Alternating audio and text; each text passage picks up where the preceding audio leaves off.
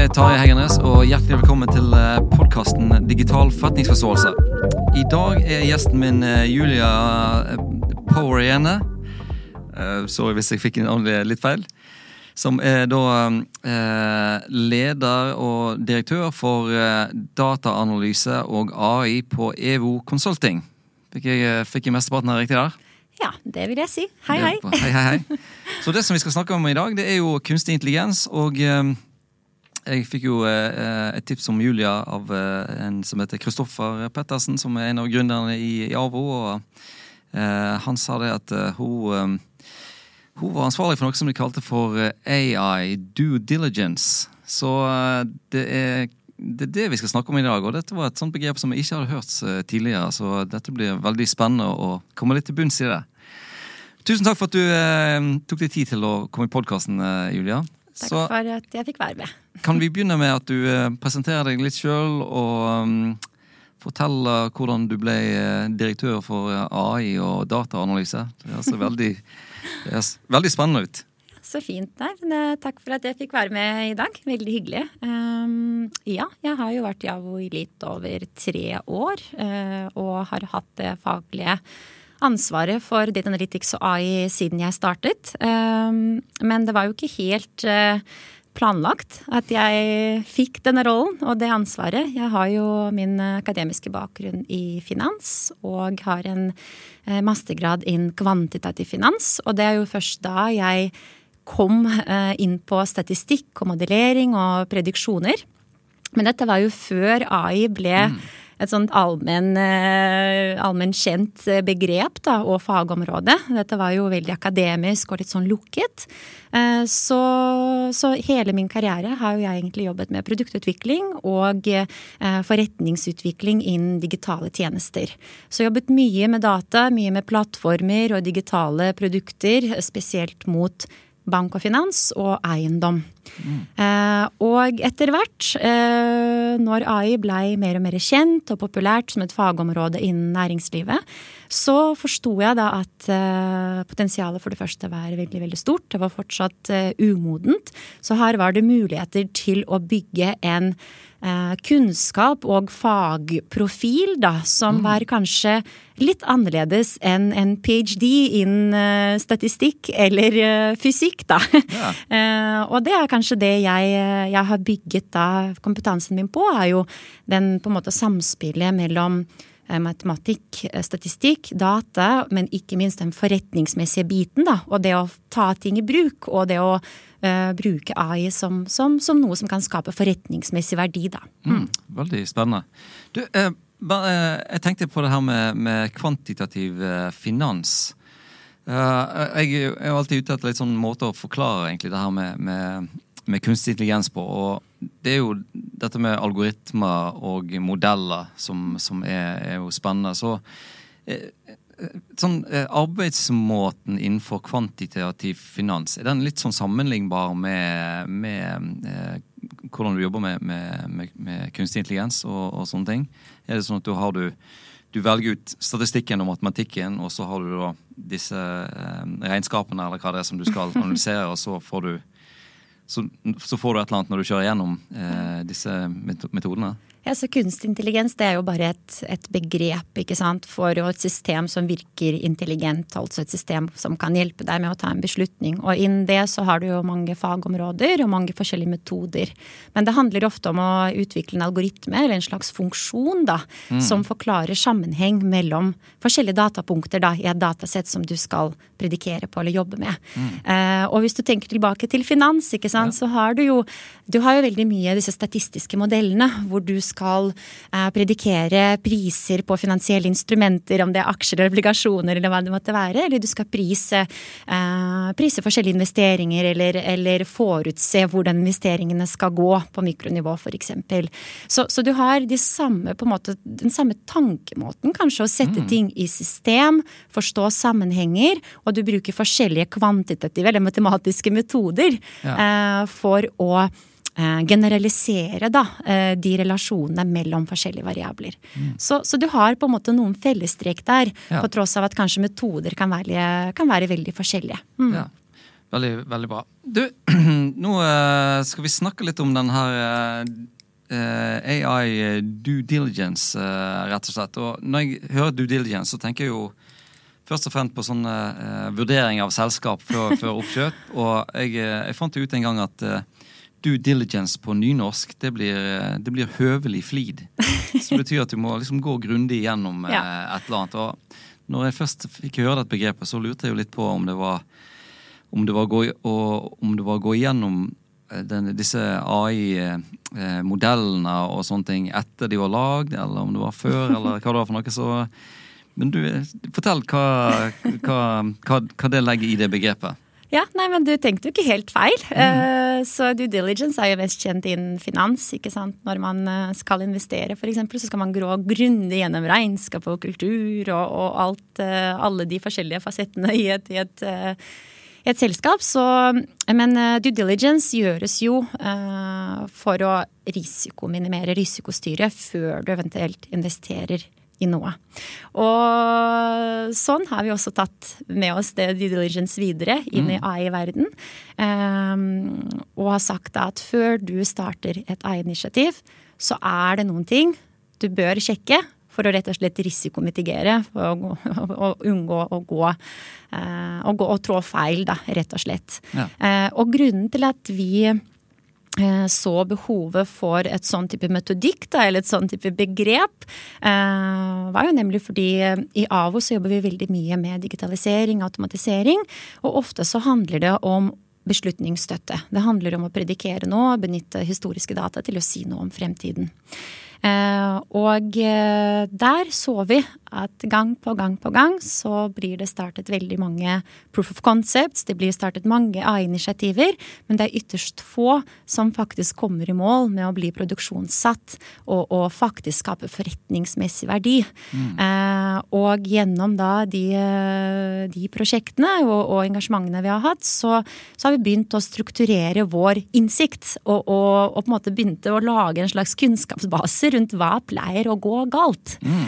Eh, og den kunnskapen har vi da strukturert. og og utarbeidet en metode som vi kaller for AI due diligence, som er da en måte å sikre at du avsjekker det du skal avsjekke, mm. før du legger pengene inn i et AI-prosjekt, rett og slett. Mm. Dette, dette, dette, er både veldig bra og veldig spennende, for det er en ting som, eh, som ikke har forandret seg så mye de siste kanskje 100 årene, da.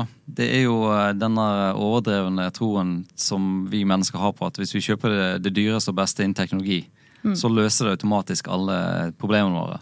Og selv om det på en måte blir skrevet artikkel på artikkel og bok på bok på det at uh, teknologien løser ingen problemer, men den er, måte et, den er et redskap som du kan bruke hvis du vet hvordan du kan bruke den mm. til, eh, til å, å løse problemet på.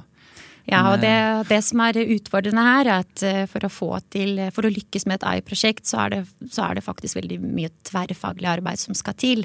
Mm. Og da er det noen kompetanse der som, som ofte mangler, da. Eh, ja. For å få dette samarbeidet til å gå. For å, for å på en måte eh, velge de prosjektene som har et godt utgangspunkt, rett og slett. Mm. Kan du si litt mer om det der eh, det rammeverket? Hva, hva, slags eh, ulike eh, ting er det du på en måte går igjennom med denne due diligence-prosessen på disse potensielle prosjektene?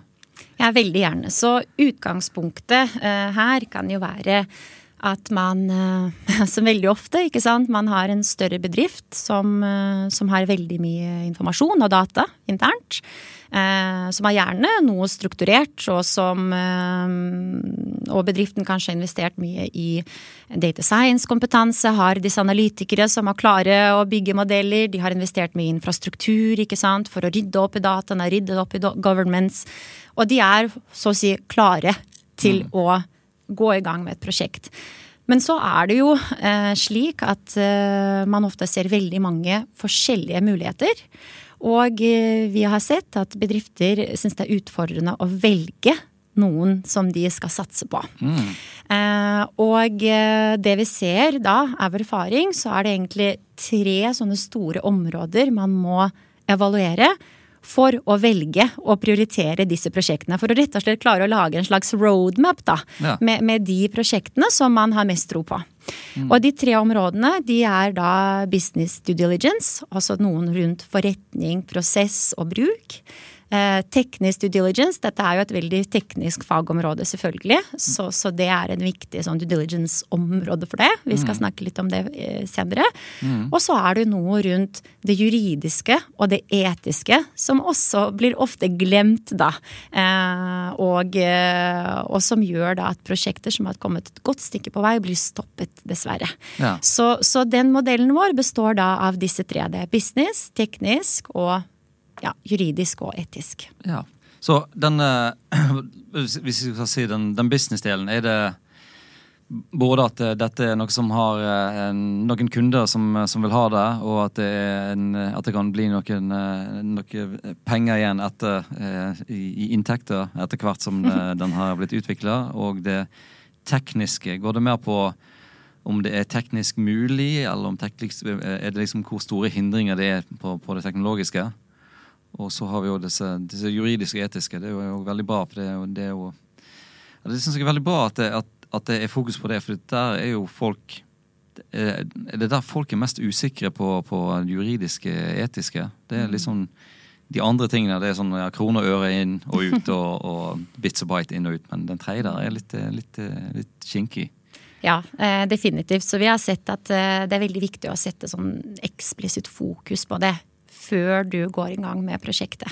Eh, så, så når det gjelder da det businessmessige der, hvis vi skal bare begynne litt der, eh, så er det jo sånn at uansett hvor mye du risikostyrer, så vet du ikke om du skal lykkes med et AI-prosjekt før du faktisk har gjennomført et AI-prosjekt. Um, og det krever da en viss uh, forpliktelse, gjerne i øverste ledelsen um, i en bedrift. Og det krever også at man forplikter seg over en lengre tidsperiode. Så det å, når, når man vurderer de forskjellige prosjektene og de forskjellige prosessene hvor beslutningsstøtte ved hjelp av AI kunne vært nyttig, eh, så bør man alltid tenke eh, eller være bevisst på hvordan henger dette sammen med strategiske retninger i selskapet. Kan vi knytte dette til noen strategiske mål? Kan vi vise til at hvis vi lykkes med prosjektet, så skal vi skape verdier innenfor de viktige områdene for oss eh, fremover? Eh, så det er veldig viktig sånn kommunikasjonsmessig. Det å selge en god story, det å få folk med seg, det å få støtten over tid. Det har vi sett at helt grunnleggende. Men, en annen, eh, ja, men eh, blir, det, blir det av og til sånn at eh, de sier at her, her, må du, her må du, gå tilbake inn og få mer støtte fra ledelsen? Du må forankre det bedre i ledelsen. Mm. Er det sånn Gir du beskjed om sånt, eller hinter Ja. det til det? ja, nei, du, du må gjøre det. Fordi Mm. eh, det som ofte skjer, er at man kommer i gang, og så kommer det alltid noen uforutsatte ting eh, som kan enten kreve at budsjettet blir eh, økt, eller at man ser at man må endre retningen og kanskje utvikle noe annet enn man har tenkt. Eh, og da må, det, da må det være godt forankret, slik at man kan effektivt videreutvikle, ikke sant. Så, så, så det er helt grunnleggende, og det, og det hjelper jo ofte kundene med. Ja. og, det, og det står ofte på ikke sant? alt fra kompetanse til finansieringsvilje. Så her er det ganske bredt, bredt spekter. Da. Ja. En annen ting er jo noe rundt um, å definere suksesskriteriene. Altså når vet vi at vi har lykkes? Vi ser ofte at man går i gang med prosjekter. Um, og så er man ikke helt enig fra starten av hvor treffsikkert må algoritmen være. Altså må vi være 95% treffsikre, eller er det nok med 70 Og vi ser ofte at hvis ikke man avtaler det på forhånd, så tør man ikke slippe disse algoritmene i produksjon.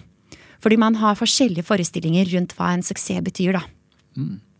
Så dette er en, eh, det, Nå snakker du egentlig mest om en, sånn, en teknisk suksess mer enn en forretningsmessig suksess. Ja, eh, treffsikkerhet kan være en av de viktige tingene, ikke sant? Som, som er en sånn en gatekeeper for å gå i produksjon. Men her er det helt klart at du må snakke om verdi du kan skape. Er det effektiviseringsverdien? Kan du kvantifisere det? Hva kan vi forvente? Eh, er det noe kvalitative ikke sant? rundt økt medarbeider?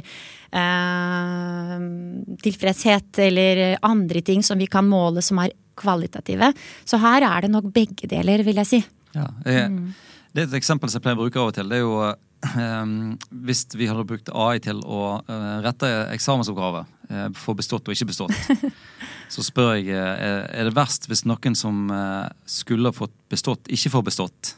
Eller er det verre hvis noen som ikke skulle fått mm. bestått, får bestått? Og Da spør jeg de ofte hvor, okay, hvor masse slingringsmonn ville du gitt disse her to?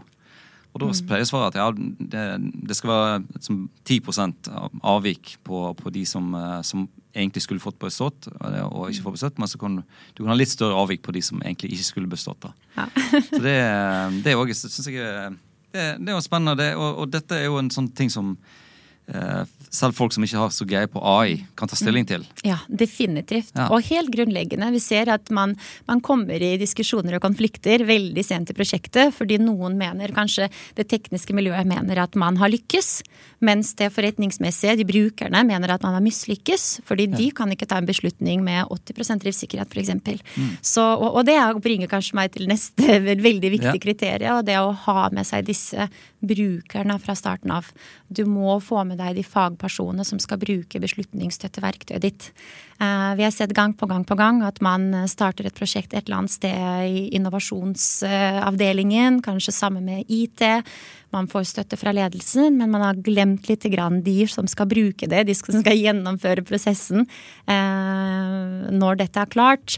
Og da ser vi at man ikke klarer å få til en adopsjon Eh, slik at det blir faktisk integrert i de prosessene som, mm. som, skal foregå, da. Så det er også veldig viktig kriterium å få med seg de som skal bruke det fra starten av. Ja, det blir kanskje mer et uh, organisasjonsmessig uh, perspektiv. Uh, mm. Eller går det, regner du det inn under forretningsperspektivet, eller? Ja, jeg vil, jo, jeg vil, jo, si at det er begge deler. Ja. fordi um, hvis, du, hvis du har f.eks. en lege, da som vurderer, um, som vurderer uføresøknader. Noen er ufør, og så skal de enten få støtte eller ikke få støtte videre. Så sitter du da som typisk lege og vurderer hvor lenge tror vi denne personen skal være syk, uh, og skal de få støtte eller ikke. Uh, hvis du skal slippe til en algoritme, så altså, hvis jeg tenker på det, så tenker jeg wow, det, det er jo en kjempeoppgave for en automatisert prosess. Du mm. kverner gjennom historikken, og du ser på andre eh, folk med lignende tilstander, og så, si, og så meder du noe rundt mm. hvordan denne veien ser ut for personen. ikke sant? Um, men hvis du spør, spør legen, så sier legen at det hadde de aldri tatt i bruk. For det er så mange um, si, exceptions, da. Ja. At du kan ikke generalisere sånn type kunnskap. Og det er så personlig at du må vurdere hver enkelt pasient. Mm. Ikke sant? Og her typisk da du kunne gått i gang med et prosjekt, og så komme til lege og si 'se hva vi har laget for deg'. Ja. Og så hadde en lege sagt 'er dere gærne, dette kan jeg ikke bruke'. så, så, her er det forskjellige, igjen forskjellige fasetter da, av ja. den problemstillingen.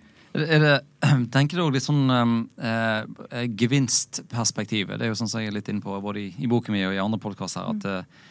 at, litt, at, litt, av gevinstene må òg være for, for, de ansatte som skal ta det i bruk. At, mm. at, det er liksom en del av ok, nå skal jeg lage dette her til deg, og du skal kunne eh, få en, en lettere eh, å ta beslutninger på, på disse om f.eks. uføretrygd eller sykemelding. Mm. Så det, at, det, at, det, er liksom en del av dette med, med å få med de brukerne, at, det, at du synliggjør for de at dette blir bra fordi at Ja, du, sånn må, sånn. du må, gjøre det, ikke sant. Du må gjøre det mm. relevant. Og så har jo hver eneste person, organisasjon, har jo sine mål.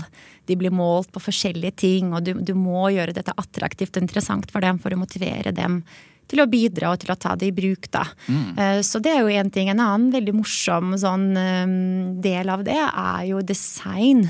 Hvordan designer du tjenesten? ikke sant? Vi har sett tilfeller hvor um, måten man presenterer utfallet fra algoritmen er helt avgjørende for om ta, man tar det i bruk eller ikke. Uh, vi har sett sant, at man bruker psykologi og tvinger folk til å ta algoritmen i bruk før du kan slippe opp og la dem gjennomføre som som før. Uh, rett og slett for å bygge tillit, for tillit er jo helt avgjørende ikke sant, til å ta sånne tjenester i bruk. For man vet jo at det er aldri 100 mm. En AI-algoritme er jo alltid en produksjon. Altså det er jo aldri deterministisk, det er jo best guess, egentlig. Ja, så, så det å kunne bygge tillit, da, der bruker man som regel det organisatoriske, det forretningsmessige, prosessmessige, men ikke minst designmessige, ikke sant, og, Mm. og jobber psykologisk, da. Altså man påvirker på en måte hvordan vi oppfører oss da, når vi tar Ja. det i bruk. Ja, det er jo kjempeinteressant. Så rett og slett bruker grensesnittet og brukeropplevelsen for de som skal bruke resultatet av Ja. AI, rett og slett at der, eh, at det legger inn uh, Kjempeviktig. Vi har Ja. sett, vi har sett uh, eksempler hvor eh, eh, hvor man har gått fra 0 eh, påvirkning til over 30% påvirkning på sluttutfallet, altså salgsmål. mm, Bare på ren basis av design. Når man lot selgere bruke algoritmens eh, anbefalinger, eh, de kunne velge om de skulle bruke eller ikke, så var det null, null prosent som tok det i bruk, og det var ingen effekt. mm. Men så endret man eh, grensesnittet, tvang selgere til å bruke det i et par måneder, Mm. og da økte oppsalg med nesten 30 Ja. Og da, når du ser de resultatene, så kan du slippe opp igjen, ikke sant? Fordi da har du skapt tillit, og da ser disse selgerne at yes, dette bør jeg bruke, for det Ja. skaper gode resultater for meg. Ja. Så, så det er veldig mange morsomme eksempler innen akkurat det designfeltet, da. Ja, det, altså, når, jeg, når jeg hører det, så virker det jo ganske opplagt. Men det er ikke sånn som jeg har tenkt uh, i, utgangspunktet tidligere, at det, dette er på en måte avslutningen av et uh, AI-prosjekt. er liksom å gjøre designet for, for interaksjon til, på, på brukerne. Ja, For det- hvis du tenker det, ikke sant, at det, det skal jo integreres i en prosess. Det skal integreres i en eller annen grensesnitt. Du skal kunne bruke det sømløst i din hverdag. Og da er jo det designmessige kjempeviktig. Og det er derfor jeg sier at det å lykkes med AI, det er så tverrfaglig som det kan bli. Ja. Og akkurat den algoritmebiten, det er kanskje det minste delen egentlig i et AI-prosjekt. Eh, Så det er veldig sånn interessant å reflektere over, da. Ja, veldig interessant. Du, eh, jeg, det, som jeg, eh, det som slo meg litt nå, det er jo eh, Er det sånn at eh, sender det noen kunder på dør og sier at nei, nå har vi kjørt igjennom den her due diligencen for deg, og du er ikke klar du er ikke klar for AI hos oss? Det, Ja, skjer det av og um, til, eller er det, er det kanskje ikke så brutalt? Nei, jeg vil jo kanskje si at uh, den businessmessige er ofte på plass. Uh, der man ofte feiler, er jo enten det tekniske eller det juridiske. Ikke sant? Det tekniske er jo har man god nok kvalitet på dataene? Kan man bruke de dataene? Har man eh, lov til det? Eh, er det mm, Ja, har man infrastrukturen til å kunne bygge noe sånt, skalere noe sånt? Har man teknisk kompetanse og alle de tingene der, da? Og der er det ofte man, eh, at man ser at ok, vi er modne. Vi må ta tak i dette. Vi må øke kvaliteten på dette. Vi må integrere disse dataene på den og denne måten. Så der, der sender man for så vidt det prosjektet på døren. men, men man eh, rådgir jo kunden videre. Ja. Man ønsker jo å øke modenheten Ja. hos kunden, og gjerne kan bistå med andre ting som må være på plass. ikke sant? Men det skaper jo også kunnskap. Og en av de grunnene til at eh, organisasjoner kjører sånn type prosjekter, er jo nemlig å forstå, at det er litt pulsen på ting, da. Ja. Og forstå hvor er vi egentlig? For det er veldig ofte litt sånn hype rundt det med AI, ikke sant. Man tenker at dette må vi ha, uten at man kanskje har helt helt tak på hva er det man skal ha, da. Og, og hvor er man egentlig? Er man klar for det, da? Så det er et veldig fint verktøy å, å bruke for sånn type formål, da. Ja. Så det, du sender dem kanskje på dør, men så får du, de får beskjed om å komme tilbake igjen når de har fått, uh, fått ordna opp i dataene sine, f.eks. Ja, eller så kan de få bistand med det, ikke sant? Ja, så. Bra. Ja, så Eh, absolutt. Jeg, jeg tenker jo dette med, med, med AI, så det er jo det, er jo, det fins jo overalt, det, det vet vi jo, men samtidig så er det jo litt sånn en terskel å komme, komme over for de som skal eh, ta det i bruk. Så um, da tenker jeg òg at eh, kanskje i tillegg til på en måte det rene, det rene eh, økonomiske og forretningsmessige, så, er, så kan det være at de som kommer, har mer lyst til å lære mer om AI, og at kanskje ikke nødvendigvis må, må tjene penger i første omgang. Men at det mer blir en sånn eh, eh, organisasjonsutvikling og kanskje en sånn utvikling i, i, i digital modenhet eller digital kompetanse i, eh, i virksomheten. Det er òg er også sånne, sånne ting som du ser litt av. Mm. Ja, jeg tror det viktigste er at man er bevisst på hva er det man skal, ikke sant. Man, man bør ikke gå i dette med falske forhåpninger. Mm. Og jeg tenker at vår rolle som en rådgiver er jo nemlig å gi deg reelle bildet. Og si at eh, altså ideelt sett så får du til begge deler. Du både får bygge kompetanse og skape forretningsverdi og klare produksjonssettet. Mm. Eh, det første prosjektet du gjennomfører. Men jeg tenker at det viktigste er at man har det reelle bildet. At man vet hvor langt unna man er. Eh, og det er jo veldig mange bedrifter som har valgt å kjøre AI-prosjekter og Analytics-prosjekter for å lære. For det skaper ekstremt engasjement, ikke sant. Mm. Eh, det er jo et område som alle syns er spennende, og, og, når man først begynner å jobbe med det, så forstår man at det er ikke så mystisk, det er ikke så komplekst nødvendigvis, da. Eh, hvis man tenker det forretningsmessige siden av det, da. Mm. Som, som, kanskje det ofte kan fremstå. Det er jo fortsatt et, et fagområde område som er litt lukket, vil jeg si. På tross av at det har blitt bedre de siste årene, da, så er det fortsatt kan oppfattes som litt komplisert, da. Ja, jeg tror for det, det folk skjønner at det, ja, kunstig intelligens er et eller annet. Men hvis du først begynner å bryte det ned på algoritmer og modeller og data og, og hva du kan predikere og sånne ting, så, så, får du litt mer oversikt på å ja, det, det, er ikke, det er ikke verre enn dette. Nei, nei. Iallfall på, på maskinlæring, men kanskje mm. på andre andre AI-ting som ligger på en måte mm. utenfor den maskinlæringen, som uh, kan være fremdeles ganske, ganske uh, mystisk der. da. Ja, ja definitivt. Også, og sånn det rundt den mystikken da, ikke sant, og forklaringsevnen. Det er også en veldig viktig sånn diskusjon å ta før man går i gang med et prosjekt. Mm. Eh, hvis vi lykkes med dette, og vi skaper en algoritme som gir oss gode prediksjoner med høy treffsikkerhet, må vi kunne forklare det utfallet eller ikke. Det er et også veldig viktig diskusjon å ta. Forklaringsevnen. Ofte, for det, det, setter begrensninger for hvilke metoder du kan bruke. Uh, ja. Så det er en sånn viktig ting å snakke om. Ja, for dette syns jeg er kjempe, kjempespennende. At, eh, at, eh, egentlig i GDPR så hvis, det, hvis, det en, hvis, et dataprogram tar en beslutning som gjelder et menneske, så har det mennesket rett på å få forklart hvorfor den er blitt, blitt tatt, den beslutningen. Og da er det Da, da ser jeg at da er det da kan det være en del eh, metoder og, og, og, ting som du ikke kan velge fordi at det gjør det vanskelig å komme med den forklaringen. Ja, det er det. Så det er jo et eh, veldig godt, godt poeng, syns jeg. Men det som er interessant, er at hvis du spør uh, en leder, da, uh, fag, fag, fagleder eller forretningsområdeleder organisasjon, sånn umiddelbart, må vi kunne forklare utfallet? Det første de sier ja. Det er veldig ja. kjapt på å si ja. Eh, men det er jo ikke, det er jo ikke tilfellet. Eh, ikke sant? Det er jo ikke alltid du må forklare utfallet av en algoritme. Og en sånn god tommelregel der er jo å ta stilling til hva er det man skal predikere. Skal man predikere en eh, menneske, et menneskeatferd som er i utgangspunktet sånn vanskelig å sette ord på og, og er litt sånn komplekst? Mm. Eller skal man predikere innenfor et regelsett eller regelverk? De to er veldig forskjellige. Ja. Skal du jobbe innen et regelverk, så må du som regel kunne forklare. Bank og finans er jo perfekt eksempel på det, mm. på tross av at du har Modeller som kan eh, med veldig høy treffsikkerhet f.eks. For forklare at en kunde skal få betalingsutfordringer de neste tre månedene, så kan ikke du bruke de modellene i, i dine prosesser, med mindre du kan forklare det overfor ja, kunden. ikke sant? Mm. Mens i andre tilfeller, hvis du skal predikere eh, et produkt vi bør anbefale kunden som har kjøpt produkt A, ja. eh, så er ikke nødvendigvis at du må forklare hvorfor vi predikerer det. Så, så, det er veldig greit å ha den diskusjonen og ta stilling til må vi egentlig forklare det, eller kan vi leve med at det er eh, ikke mm. mulig, da. Det er veldig godt, eh, veldig godt poeng. Og jeg tenker Hvis du spør eh, ledere sånn, hvorfor, eh, hvorfor, tok du den beslutningen? Mm. Ja, for dette, dette, er basert på lang erfaring og, og magefølelse. Ja.